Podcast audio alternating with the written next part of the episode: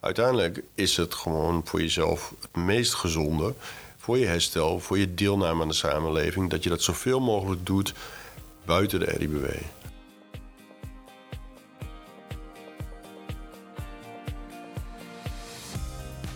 Welkom allemaal bij de podcastserie van RIBW Overijssel, Omzien naar elkaar. Waarin we kijken vanuit de verschillende perspectieven naar de veranderende maatschappij en waarin we de zorg andersom organiseren, waarbij de mens centraal staat.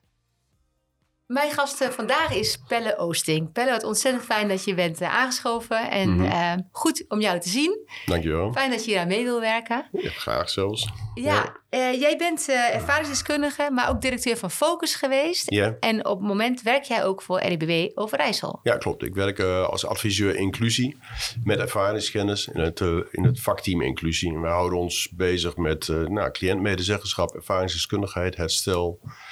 Ja, dat zijn wel de belangrijkste thema's. Destigmatisering.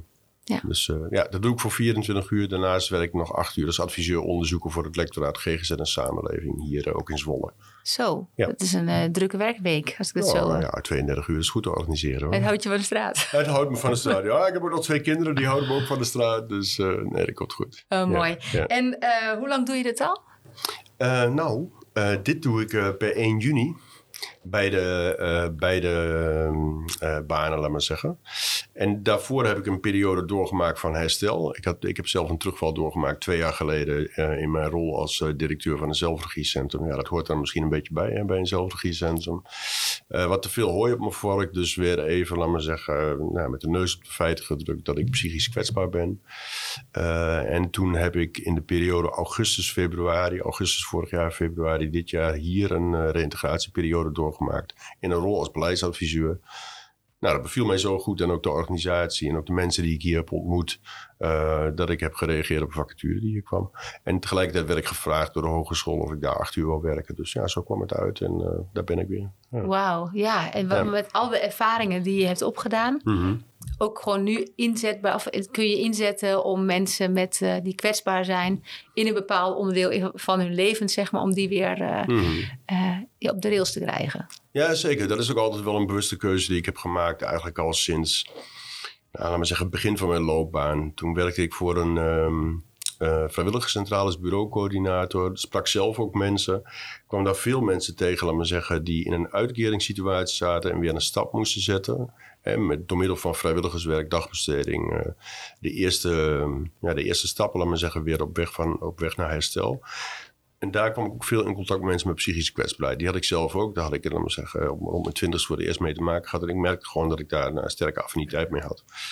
Van daaruit ben ik gaan werken in de, in de GGZ. Eerst als uh, trekbegeleider arbeid. Bij een voorloper trouwens van uh, Overijssel. Toen ben ik ondersteuner geworden van cliëntenraad. Toen ben ik projectleider ervaringsdeskundigheid geworden. Nou, en toen ben ik voor gemeenten gaan werken. Omdat ik merkte dat de zorg voor kwetsbare mensen, psychisch kwetsbare mensen, veel meer bij gemeenten terecht kwam. Vond ik interessant.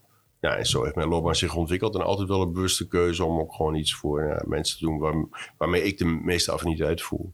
Ja. Ja. Je bent ervaringsdeskundige, wat je al zei, vanaf je twintigste. Ja, klopt. Ja, ja ervaringsdeskundige. Ik ben cliënt in de GGZ vanaf mijn twintigste.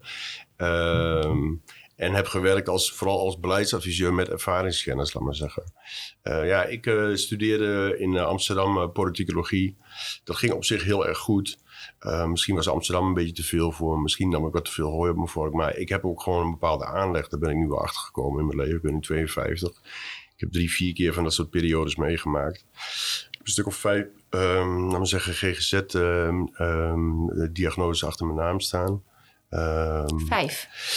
Ja, ja, dat, ja, dat begon met eh, op mijn 21ste de, een, eh, laat maar zeggen, forse psychotische periode. Waardoor ik uitval op mijn studie, uitviel op mijn studie. Toen kwam er een diagnose die heette schizofrene vormenstoornis. Dat werd later bijgesteld omdat ik heel goed herstelde en een HBO-opleiding kon afmaken tot ehm, eh, persoonlijkheidscrisis, waardoor psychotisch. Dus toen zei mijn behandelaar ook, nou ja, we ronden het af, het is klaar, je bent hersteld, eh, ga maar gewoon weer leven. Nou, dat, dat mondde uit in heel veel werk en heel veel proberen in te halen van mijn leven. Eh, binnen twee jaar toch weer een manisch-psychotische episode.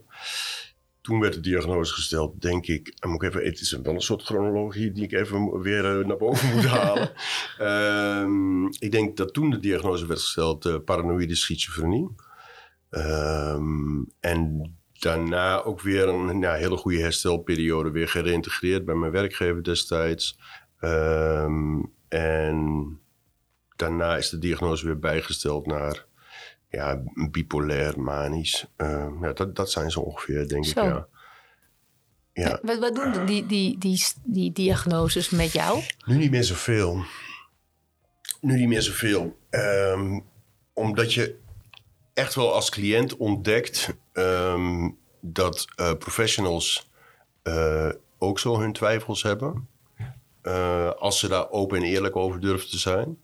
Maar in het begin, die eerste keer, Ja. ja, dat is, dat is een. ja, ik weet niet. Het, misschien heel zwaar aangezet hoor, maar het voelt als een vonnis, laat maar zeggen. Ja. Het, en, en de eerste keer was dat op mijn 21ste. En dan ben je nog jong en kwetsbaar. Ontwikkelt je persoonlijkheid zich nog. Ehm, nou, ik heb daar echt wel veel last van gehad, ja. En ik denk ook, laat maar zeggen, dat het ook ehm, meer last dan het eigenlijk had gemoeten, laat maar zeggen. Eh, omdat je heel erg vanuit die diagnose geconfronteerd wordt met wat je allemaal niet meer kunt. eh, en hoe kwetsbaar je bent. En ik heb, wel, ik heb wel geluk gehad in die periode dat ik lange tijd niet psychotisch meer achter elkaar ben geworden. Dus goede behandeling, moderne behandeling, laat maar zeggen, lang medicatie, eh, veel PMT, ehm, goede cognitieve gedragstherapie, een fijne psychiater die alle aandacht had. Dus dat was allemaal prima. Maar dan, het, toch doet het veel met je. En, eh, en met je omgeving. Hè? Dus dat mensen, laten we zeggen, in je omgeving te horen krijgen... hij is psychotisch geworden. Wat is dat dan? Die vragen daar ook naar. Het is heel veel onbekendheid. Ja. Het is al wel weer 20, nee, 30 jaar geleden alweer. Eh, dus die, die eerste... Ik kan me de Kamer nog wel herinneren... eh, waarin, ik die, diag- waarin die diagnose werd uitgesproken. En dat ik echt dacht, oké, nou, dan gaat mijn leven. Dus, dus dat is... En ook, laat maar zeggen, de, het effect wat het heeft op je omgeving. Dus je, je ouders, je, je vrienden, mijn broer... Ehm, ja, dat, dat maakt heel veel impact. Ik denk, ik denk in principe dat elke cliënt, laat maar zeggen, in de, in de GGZ of elke persoon die een psychiatrische diagnose krijgt, zich dat kan herinneren, dat moment. En hoe heftig dat is. Dat wordt wel wat beter. Ehm, en nu in de loop der tijd heb ik natuurlijk ervaren dat ik kan herstellen. Dat mijn talenten eigenlijk niet ongesneeuwd raken door mijn kwetsbaarheid. Maar dat, ze wel, ehm, ja, dat, dat het elkaar wel beïnvloedt. Hè? Ja. Dus ehm, ja, ja dus, eh, dus zo. Ja. Tweede keer, eh, toen de diagnose, na laat maar zeggen, tweede uitvalperiode, ehm, had ik gewerkt, kreeg ik een WHO-uitkering. En ik weet nog wel dat de arbeidsdeskundige van het UWV zei: Nou, gefeliciteerd, je bent 80, 100% afgekeurd. Je hoeft nooit meer te werken. En toen dacht ik: Hè? Gefeliciteerd, ik sta aan de zijlijn en jij feliciteert me daarmee. Nou, dat was echt een hele vreemde gewaarwording. ja. ja, maar dat zijn wel de effecten van het systeem, laat maar zeggen, van de labels. Dus dat is wel, laat maar zeggen, wat zo'n label 80, 100% afgekeurd of een hele zware psychiatrische diagnose en paranoïde schizofrenie is natuurlijk wel, ja, daar schrikken de meeste mensen wel van. Ehm, dat is wel zoals het gezien wordt. Eh, ook door professionals in sociaal domein, GGZ. Ik bedoel, het is heel moeilijk om van daaruit te laten zien wat je allemaal nog wel kunt. Maar hoe is Dus- het bij jou gegaan dan? Eh, ehm, hoe, hoe heb jij nou, want het is best wel heftig zeg je. Nou, je krijgt een diagnose, je, schrikt inderdaad. Nou, het is mijn vonnis, zoals jij dat ook noemt. Ja, ja. Mhm. Op dat moment, zo voel je dat. Eh, je wordt ouder en denk je, oké, er zijn heel veel vonnissen, ge- maar mijn, mijn talent is sterker dan mijn, mijn kwetsbaarheid. Dat zeg je Mhm. ook heel mooi. Mhm. Ehm, hoe is dat herstel bij jou gegaan dan? Hoe ben je daar toch uitgekomen? Ja, dat, is natuurlijk een hele goede vraag. En dat zijn, dat zijn verschillende elementen, laat maar zeggen, die daarop van invloed zijn. Ehm, dat heeft te maken, denk ik, met een steunende omgeving. Waarin eh, je open kunt zijn over je kwetsbaarheid en daarover kunt praten. Ik denk ook een omgeving die in je eh, blijft eh, geloven, in je mogelijkheden en je vaardigheden. Het heeft ook, denk ik, wel te maken met zelf wat openheid erin betrachten. En dus het gesprek ook te durven aangaan. Ik weet bijvoorbeeld dat toen ik ehm, uitviel op politicologie Amsterdam, ik drie kwart jaar later naar mijn eh, toen voormalige opleiding ging in Deventer, had ik een HBO-propeduize gehaald. En daar heb ik gewoon gezegd: ja, dit en dit is me overkomen. En kunnen we hier afspraken over maken? Over hoe ik in een aangepast tempo weer, laat maar zeggen, ehm, naar mijn studie kan oppakken. Dus ja, dat soort dingen, laat maar zeggen. En dat mensen dan met je mee gaan denken daarin. Ehm, geloof hebben in je, in je mogelijkheden en in je vaardigheden. En, en ook professionals eh, heb ik in die tijd ook wel ontmoet, ook wel, laat maar zeggen, op de dagbehandeling, die ja, maatwerk leverden. Dus die heel erg uitgingen van jouw vaardigheden en mogelijkheden. Ik zat op een dagbehandeling op licht en kracht op het psychiatrisch ziekenhuis van, uh, um, in Assen. En daar waren mensen die aan het tekenen en aan het schilderen waren of de tuin aan het onderhouden waren. En ik deed modules van de Open Universiteit. Ja. ja en dat maatwerk, die aangesproken worden op je talenten en mogelijkheden. Uh, ja, dat, dat is denk ik, uh, dat is denk ik dit is een van de belangrijkste factoren. Steun in de omgeving. En ook wel het zelfinzicht creëren met professionals. Uh, in je kwetsbaarheid. En hoe je nou ja, op de wat langere termijn kunt gaan voorkomen dat je een terugval doormaakt. Ja. Kijk, bij mij is wel echt wel een van de dingen die ik heel erg heb moeten leren. Dus als het goed gaat, dan moet ik me echt afvragen: oké, ja, gaat, het nou heel, gaat het nou echt goed? Of wil je te veel? Of, nou ja, dit, en dat, ja, dat is me 2,5 jaar geleden toch nog wel weer een keer overkomen. Um, dus het blijft een beetje in me zitten, laat maar zeggen. En ja. dat wat accepteren en daarmee leren omgaan, dat helpt. Steun omgeving, eh, professionals die met jou het gesprek aan willen gaan. Maar ook je eigen kwetsbaarheid laten zien, zeg je, Pelle. Dus, dus... Ik, ik, denk wel dat het, dat het helpt. Uh, de eerste keer dat ik ging werken uh, na mijn studie... en toen de, mijn toenmalige behandelaar had gezegd... nou oké, okay, we sluiten het af, we ronden het af... had ik er geen openheid in. Dan dacht ik van oké, okay, we bedekken het, het is voorbij, het gebeurt... het is iets uit mijn verleden. Ja dat, dat heeft niet geholpen. En daardoor kwam er ook wel een tweede terugvalperiode. Dus openheid op de werkvloer, uh, in je omgeving, vrienden en familie. En iets laten zien van die kwetsbaarheid. Zodat mensen ook begrijpen wat er met, de, wat er met je gebeurt als je niet zo goed gaat. Ja. Is denk ik heel relevant. Ja. Maar is ook wel heel spannend lijkt mij. Want, Mega. Ja, want het is toch best wel... Uh, heel veel mensen vinden het toch wel spannend. Of weten niet wat het is. Of oh, hey, hoe moet ik daarop reageren? Of, Zeker. Toch? Zeker. Heb je dat ook uh, ontmoet? Ik heb dat zeker wel ontmoet, ja. Dat heb ik ook zeker wel ontmoet. Maar ik moet eerlijk zeggen dat als je het op een rustige, positieve manier brengt en het uitlegt, zeker ook vooral in periodes waarin het juist wel goed met je gaat, dat is een moment om het wel ook gewoon die openheid te betrachten en te vertellen van luister, dit hoort ook bij me. Ik, ik heb heel weinig onbegrip om hoe als je dat zelf doet eigenlijk. Ja. Maar die handelingsverlegenheid, om het zo te noemen, bij anderen, Hè? Van, uh, jee, wat is dat of hoe moet ik daarmee omgaan? Die is er zeker. Die is er zeker. Blijkt ook wel uit allerlei onderzoeken ook wel. De Universiteit van Nijmegen heeft onderzoek gedaan naar managers en hoe ze om moeten gaan op de werkvloer met mensen met psychische kwetsbaarheid. Ja, dat is een enorme handelingsverlegenheid. Die is er nog steeds, zeker zie ik ook wel een opdracht voor de GGZ of uh, uh, om daar nog iets meer in te betekenen. Hè? Om dat open te breken. Ook psychische kwetsbaarheid gewoon van reguliere medewerkers op de werkvloer. Ja, dus eigenlijk voor iedereen, hè, zeg jij. Het is niet alleen mensen die... Ja, het daar... overkomt 43% van de Nederlanders hè, in zijn of haar leven. En, en nog steeds uh, is het, ik denk niet meer een taboe. het wordt wel besproken. Op tv zie je vind ik veel al nog wel een beetje paradijsvogelachtige situatie worden. Hè? Een beetje de excentriekelingen. Maar gewoon regulier, zoals somatische problematiek bespreken. Dat is nog, daar zijn we nog heel ver van weg wel. Ja. Dat heeft allerlei oorzaken natuurlijk. Ja. Dus uh, er is altijd een scheiding geweest tussen uh, somatische zorg en psychiatrische zorg. Ja, die bijzonder van oudsher. Ja, heel bijzonder. Heel bijzonder. Die, al die psychiatrische ziekenhuizen op aparte terreinen. Ja. Samenwerking is lastig. En dat zijpelt ook door uh, ja, in, uh, in gewoon contact van mensen onderling. Dat het toch altijd bijzonder is, ingewikkeld, angstig, onbekend. Um, Echt? Ja, daar heb je wel, vind ik ook zelf een verantwoordelijkheid in als je om, om die openheid dat moet je wel natuurlijk ook. Kijk, ik ben natuurlijk ook 30 jaar verder. Hè? Dus uh, dat, op mijn 21ste kon ik dat ook niet. Dus daar, heb je, weet je, daar moet je ook in groeien. Ja. Het helpt wel, vind ik, openheid, uh, ja. openheid geven over jezelf. Ja. Je werkt nu als uh, adviseur inclusie. Mm -hmm. En um, ja, wat jij dus eigenlijk beschrijft, is dat jouw hele gang, zeg maar, van de twintigste tot nu, um, dat je ook er tegenaan loopt of ziet dat mensen handelingsverlegen zijn. Maar je hebt ook geleerd dat je jezelf kwetsbaar opstellen, dat dat ook weer een brug bouwt tussen jou en die ander. Mhm. Dat je daarmee ook verder komt. Je hebt ook in jouw afgelopen uh, eh, 25 jaar geleerd dat maatwerk super belangrijk voor jou is geweest. Dus dat Zeker. ook niet eenheidsworst van dit is ons aanbod Nee. en slik het maar, maar wat heb jij nodig? Dat Ja. heb jij ontmoet in die lange reis, toch? Zeker, ja, dat heb ik zelf ontmoet. Is dat, was dat een uitzondering of was dat omdat jij daar ook naar vroeg en daar zelf ook eh, actief in was? Hmm.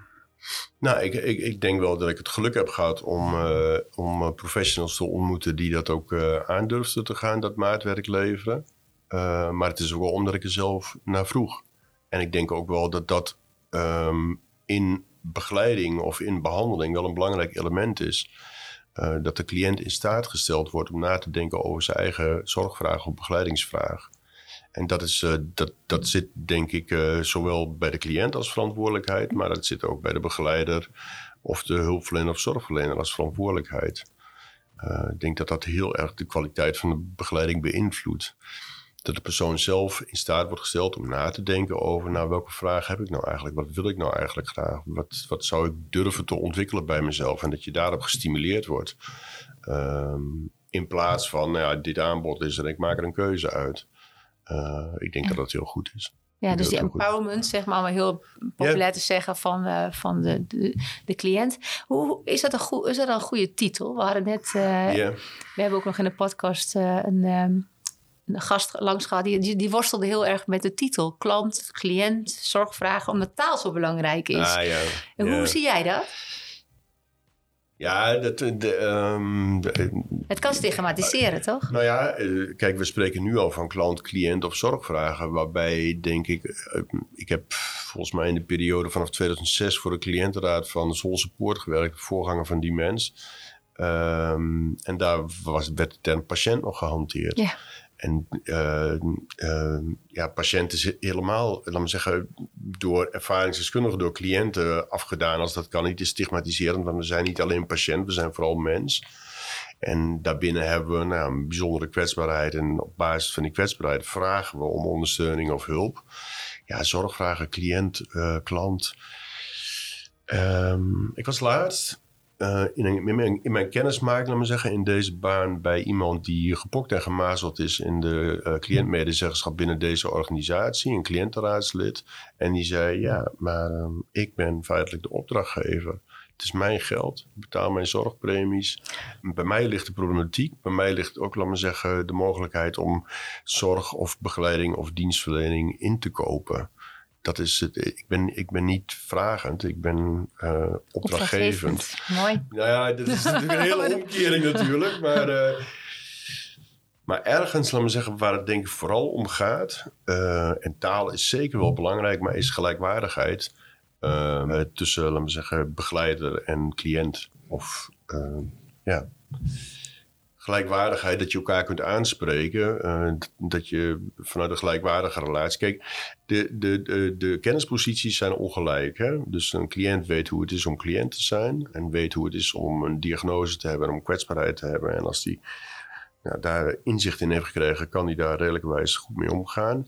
Een begeleider weet dingen over eh, richting werk. Eh, hoe organiseer je je huishouding? Hoe organiseer je je financiële eh, onafhankelijkheid? Eh, dat zijn nou, dat soort. De, en, en meer, hè, uiteraard. Hè. We hebben ook SRA-coaches, we hebben werkcoaches in deze organisatie. Ehm, dus daar zit, laat maar zeggen. Dus qua kennis is het niet gelijk, maar je bent wel gelijkwaardig aan elkaar. En vanuit die gelijkwaardigheid moet je elkaar kunnen bevragen. eh, moet je elkaar kunnen aanspreken. En ik denk als dat goed georganiseerd wordt, en daar kan zo'n platform als mijn RBW zeker een bijdrage aan leveren, dan, dan bevordert dat de kwaliteit van de relatie tussen die twee. Ja. Nou, daar gaat het denk ik om. Dat is de basis. Ja, dat is de basis. Ja, Tuurlijk is dat de basis. Dat, ja. zeker. Zeker bij een organisatie als de RBW, waarbij we het van onze begeleiders moeten hebben. Ja. Dus op de, aan de werknemerskant. Pelle, inclusie gaat dus over meedoen. Eh, de RIBW is natuurlijk bezig met die kanteling in die organisatie, waarin Mhm. we eh, cliënten willen stimuleren om meer eh, zelf te doen, hè, dus die regie te pakken over hun eigen herstel, Mhm. eh, over hun eigen leven. Daar hebben we natuurlijk ook de medewerkers die daarin ondersteunend moeten zijn. Mhm. Nou, dat is een kanteling zoals we dat nu zien. Mhm. Eh, jij zei net van, nou, die, die, die samenspel tussen die medewerker en die cliënt is essentieel. Het gaat op basis van gelijkwaardigheid. Wat moet er nu gebeuren om die gelijkwaardigheid ook daadwerkelijk te, te laten ontstaan. Dus niet alleen over te praten, maar ook echt te doen. Dat begint denk ik ehm, met ehm, het serieus nemen van de vragen van een cliënt. dus als een cliënt welke vraag die ook maar heeft, dat je van daaruit het gesprek voert. Dus niet vanuit je eigen gedachten of ideeën als begeleider, maar uh, cliënt, bewoner, kom met een vraag, welke die ook mogen zijn. En van daaruit voer je het gesprek. Dus daar begint het mee. Vanuit, laten we zeggen, de positie van de cliënt. Daaromheen organiseer je je begeleiding. Ehm, en dat is denk ik ook wel de kanteling. Dus niet vanuit het aanbod wat wij als organisatie denken dat goed is, maar vanuit de vraag die een cliënt heeft. En daar biedt dit platform uh, ja, unieke mogelijkheden in, denk ik. Ja, als je dat nu ziet, en het platform is nu in de mhm. lucht. Mhm. Ehm, de cliënten kunnen elkaar vinden om mm vragen te stellen, elkaar te helpen. Ja. Ehm, hoe zie jij de rol van de begeleider in dit platform? Verandert die? Of eh, blijft die gelijk? Of wat wordt die rol? Wordt die minder of meer? Of, hoe zie jij dat? Nou, ik denk niet dat die minder wordt. Uh, minder of meer is denk ik niet het belangrijkste, maar hij verandert wel. Ik denk dat het ook wel echt een gedragsverandering gaat vragen van begeleiders.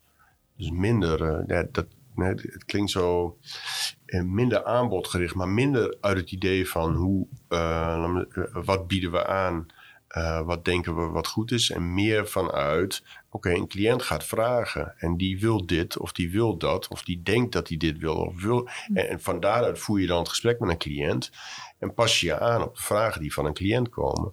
Dus het, het vraagt nogal een, het is nogal een flinke uh, gedragsverandering die er gevraagd wordt.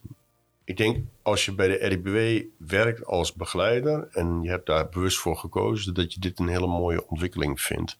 Vanuit die motivatie. Dat je dit ook graag wil op die manier. Ik denk dat er gedeeltelijk misschien ook al wel zo gewerkt werd. Alleen dit is een extra impuls ervoor.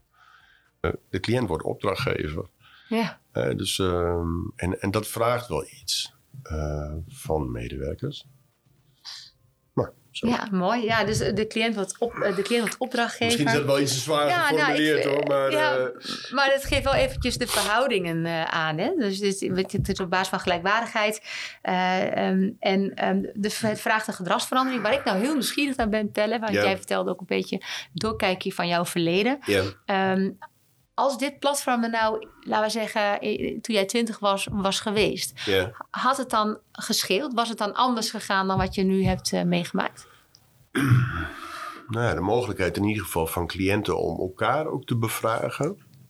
Hè, dus um, uh, dat, vind ik, dat vind ik een hele goede, want ik denk dat uh, cliënten met ervaring uh, hoe het is om cliënt te zijn, hoe het is om begeleiding te krijgen. Hè? Dus dat is de typische unieke cliëntervaring, ervaringskennis. Uh, hoe is het om gediagnosticeerd te worden? Ja. Uh, die uitwisseling had ik graag gehad rond mijn 20ste, 21ste, 22ste, 23ste. Dat had zeker geholpen. Dat denk ik zeker dat dat geholpen had.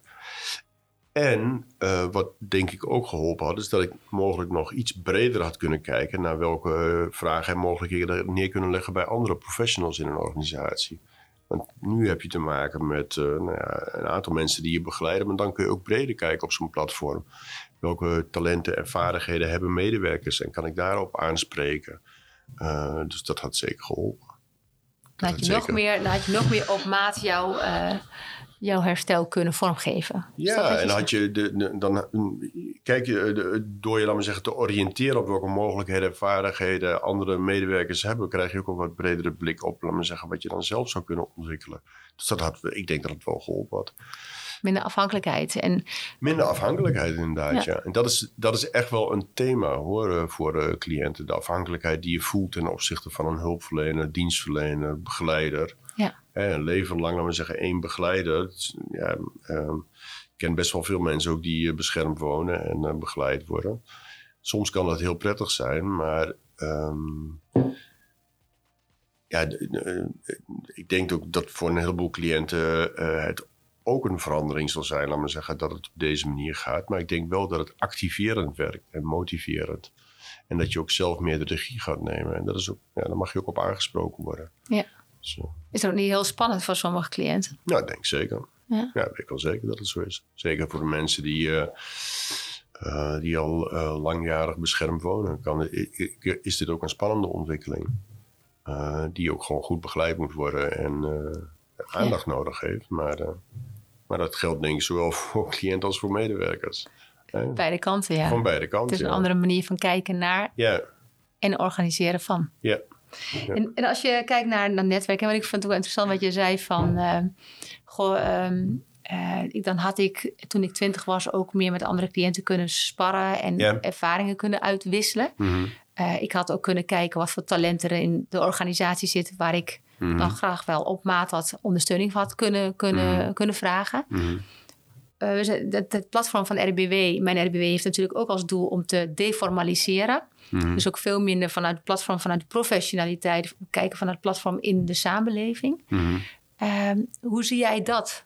dat? Dat met name ook dat stuk, dus dat je ook eigenlijk uitbreekt hè, uit die RIBW. Dat je ook kijkt naar ja, de samenleving, je buurt. Eh, dus niet het professionele netwerk, maar het netwerk daaromheen. Ja, eh, het is eh, voorwaardelijk voor eh, eh, volwaardig burgerschap en volledig herstel. Ehm, dat je uiteindelijk ook buiten de muren van je begeleidende organisatie gaat kijken of van je zorgorganisatie.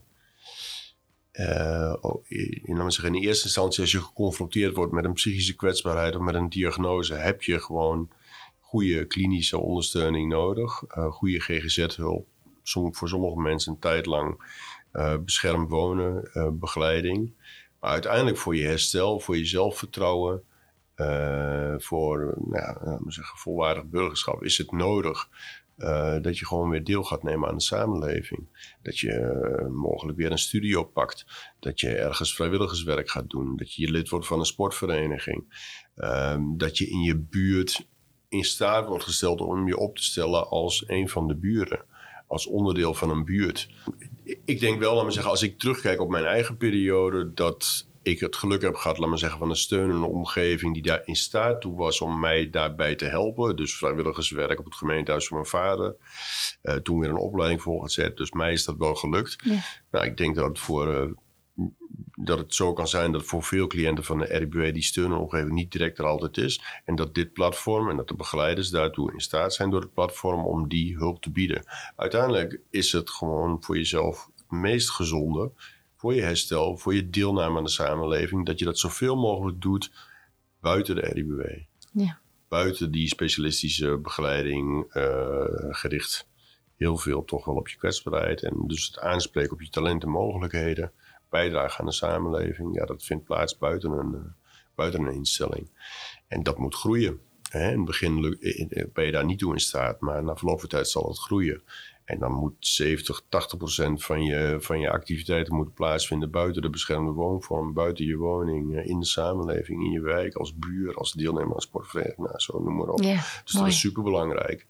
En heel goed dat dat uh, geïnitieerd wordt op deze manier. En daar, dit past natuurlijk ook bij de ontwikkeling van Stap in de Wijk die de RBW doormaakt. Ja, ik juich die alleen maar toe. Dat is hartstikke goed. Dat is hartstikke goed. Ja, ja. mooi zeg. Ja. Mhm. Hey, en en dat, nou, dat, het hulpmiddel is dan mijn RBW, het Mhm. platform. Mhm. Als je daar eh, nu naar kijkt van hoe dat, hoe dat functioneert eh, en het netwerk wat gebouwd wordt eh, op deze manier, ehm, helpt dan zo'n netwerk ook inderdaad aan zo'n herstelproces? Gaat dat dan sneller? Is dit behulpzaam? En welk netwerk bedoel je nou? Nou ja, netwerk? mijn RBW. En dat je dus inderdaad, waar we net over hadden, dat je snel je netwerk kunt ook buiten, die 70% buiten de RBW kunt neerzetten. Nou ja, als het dat gaat bereiken, als het daaraan bij gaat dragen, ehm, uh, dan, dan helpt dat aan, aan, een, uh, aan, een, aan, aan herstel. Ik weet niet, ik, ik, kijk, sneller herstel of... Um, dat weet ik niet helemaal precies. Want volgens mij is dat ook niet de doelstelling bij herstel. Het is een uniek persoonlijk proces wat iedereen op zijn eigen manier doormaakt. Maar wat er wel voor nodig is uiteindelijk bij herstel, is dat je dat ook doet uh, in je uh, eigen omgeving. In je eigen omgeving is je, zijn je familie en je vrienden, je eigen persoonlijke netwerk, maar ook daarbuiten je buurt, vereniging, nou noem maar op. Uh, en ik denk wel dat dit platform daar een bijdrage aan gaat leveren. En dat dat meer een onderdeel wordt van het werken van begeleiders en deze organisatie ten opzichte van de cliënten dan dat het in het verleden is geweest. Ik ken de RBW-organisatie toch ook al wel een jaar of twintig. Uh, en deze, laten we zeggen, die focus op maatschappelijk herstel, dat is echt wel iets van de laatste jaren. En, en, en ja, dit platform zal daar zeker aan bij gaan dragen. Um, ja. Maar heb je nou het idee ook, Pelle, dat, uh, dat in, die, in wij medewerkers, zeg maar, ik ben een medewerker mm -hmm. uh, ergens, maar dat, dat, dat we vaak overzorgen. Dus dat we de, de, de, de cliënt, zorgvrager, uh, ook de mogelijkheid door ons het warme deken van zorg ontnemen, uh, dat men zich kan herstellen? Overzorg kan. Hè? Het komt voort uit bezorgdheid vaak. Hè? En, uh, en het uit handen nemen daardoor van dingen die eigenlijk iemand zelf moet oppakken. En daardoor, laten we zeggen, het in de hand werken van afhankelijkheid. Uh, en, dan wordt het ja, een beetje duur maar wordt het een beetje een symbiotische relatie ten opzichte van elkaar. Hè? Dus de hulpverlener wil graag hulp verlenen. Daarom heeft hij dat vak gekozen. Uh, en ja, drukt de cliënt in een positie waarin hij afhankelijk van hem wordt. Dat kan nooit goed zijn. Uh, maar dat dat gebeurt zeker. Maar dat je daar als organisatie, zoals de RBW nu doet, over na moet denken hoe je dat patroon kunt doorbreken. En dat gebeurt denk ik ook met dit platform. Uh, ja, dat is verstandig om te doen. Ja, dus het gesprek aangaan over van wat voor relatie hebben we. Ja. En waarin, uh, om die gelijkwaardigheid maar weer eens bij, uh, en die afhankelijkheid maar eens bij te pakken, ja. is super belangrijk. Mega belangrijk, want je, je moet als cliënt aangesproken worden op je vaardigheden, je talenten en je mogelijkheden. En niet alleen op wat je niet kunt. Dus niet alleen waar je hulp bij nodig hebt, maar juist ook wat je zelfstandig wel kunt en dat ondersteunen en motiveren. Zou je dat vinden dat, dat, dat, uh, nou, dat amplitief kijken, dus kijken, versterken wat wel goed gaat, mm -hmm. zou dat uh, ook in opleidingen, uh, naar jouw idee, meer aandacht moeten hebben? Zijn we nog te veel gefocust op wat niet goed gaat en daar allerlei hulp op te zetten? Zouden we dan moeten ook, hè, jullie willen ook ja, anders, vind, anders ja. doen, anders werken. Hoort dit er dan ook bij? Ja, ik denk het wel. Ik denk, nog, ik denk wel dat daar in opleidingen en ook in het werk van begeleid, dat dan, dat dan nog wel stappen ingezet kunnen worden. Ja. Ik, ik, kijk, we weten allemaal zelf, ook als je werkt, uh, hoe fijn het is als je aangesproken wordt op wat goed gaat, als je complimenten krijgt, hoeveel energie je eruit haalt. Uh, de, we zeggen, en dat je je daar ook verder op wil ontwikkelen. En dat je daarvan groeit. En dan worden die andere dingen die wat minder zijn bij jezelf, worden of vanzelf kleiner, of je hebt, dan vervolgens de energie om die ook aan te pakken en daarmee ook mee om te gaan. Nou, dat is, dat is gewoon denk ik wel vergelijkbaar voor mensen met een GGZ-achtergrond. Uh, Als je alleen maar aangesproken wordt op, nou ja, dit zijn je kwetsbaarheden, dat kun je niet, dit kun je niet, uh, dit is je uitkering, uh, dit is je beschermde woningvorm, punt, dat is het ongeveer. Ik denk dat we er al van weg geraakt zijn, hoor, van dat beeld en van dat idee. maar dat heeft zeker, dat blijft aandacht nodig hebben, ja. En ja, aanspreken op mogelijkheden, talenten, vaardigheden, wat kan wel... Uh, vooral wat kan wel. En, en ik vind ook voor cliënten niet verschuilen achter je kwetsbaarheid. Ik ken dat natuurlijk voor mezelf, dat doe je af en toe. En dan, en je voelt je natuurlijk ook wel eens ellendig erover. Maar dat je dan vervolgens door je omgeving en door je begeleiders aangesproken wordt. Van kijk nou eens wat wel lukt, wat wel mogelijk is. Ja, dat is wel belangrijk. Oké, okay, dus omzien naar elkaar, waar de podcast over gaat, ja. betekent, begint bij de basis van gelijkwaardigheid.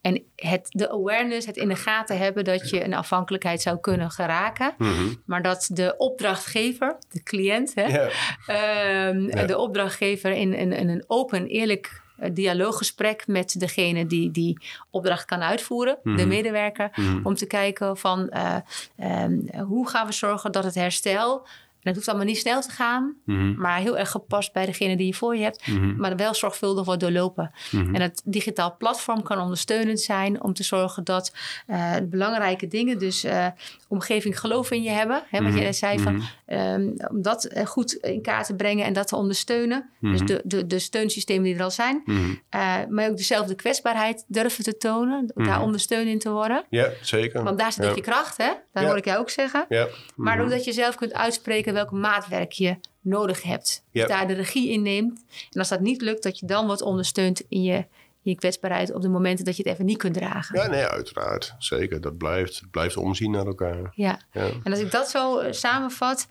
heb ik hem dan te pakken? Of mis um, ik iets? Ja, nee, ik denk het wel. Omzien naar elkaar is, laat maar zeggen, niet um, uh, altijd een. Uh, warme hand uh, uh, of een arm om je schouder, omzien naar elkaar kan, uh, is denk ik juist ook stimuleren. mogelijkheden laten zien. kritisch op elkaar durven te zijn vanuit een gelijkwaardige relatie. en op die manier aangesproken worden op dingen die wel kunnen. Dat is denk ik ook omzien naar elkaar. nou, Pelle, je had het over die afhankelijkheid. Hè? Over nou ja, de, de de ervaringsdeskundige die die uh, kennis heeft op basis van zijn situatie. Mhm. En de kennis die een medewerker heeft op basis van zijn opleiding en zijn ervaring. Mhm. En als het, uh, die twee kennissen zeg maar bij elkaar komen, dan is het ook een, ja, dan is er gelijkwaardigheid als je het op die manier ook ziet. Hè? Mhm. Zeker. Um, hoe zie jij dat? Nou ja, de, um, ja, aan de ene kant heb je als cliënt, laat maar zeggen, de ervaring hoe het is om cliënt te zijn, begeleiding te krijgen, stappen te moeten zetten vanuit je kwetsbaarheid. En als professional heb je de professionele kennis, laat maar zeggen, hoe het is om daarbij te begeleiden. En ik denk, als je als professional door dit platform in staat wordt gesteld om zicht te krijgen, echt maatwerk gericht op de persoon zelf. Uh, wat die persoon nodig heeft vanuit zijn kwetsbaarheid om stappen te zetten, vanuit zijn cliëntervaring. Hoe is het om naar een wijkvereniging te gaan? Hoe is het om, uh, laten we zeggen, uh, in, in, je familie of vriendenkring openheid te betrachten? En dat een professional dan vanuit zijn kennispositie, vanuit ervaring met andere cliënten daaraan bij kan dragen. Dat je daarover het gesprek kunt voeren. Hoe is het nou voor jou om die stappen te zetten? Wat heb jij daarbij nodig? ja, dan uh, krijg je een afhankelijkheid van elkaar die heel goed past en die de kwaliteit van de dienstverlening, de kwaliteit van de begeleiding positief kan beïnvloeden. en daar kan dit platform zeker een bijdrage aan leveren, omdat je veel meer als begeleider aangesproken wordt van wat is nou precies de vraag van de cliënt? Hoe is het voor die cliënt om deze stappen te gaan zetten? Hoe kan ik daar een bijdrage aan leveren? Nou, dat vind ik een prachtige afsluiting. Wauw. Precies. Mooi. Ja, dankjewel Pelle. Ja, graag En succes met, uh, met je baan binnen het RIBW en met uh, het lectoraatschap. Ja. De ondersteuning daarvan. Ja, dankjewel. Dankjewel. Dank je.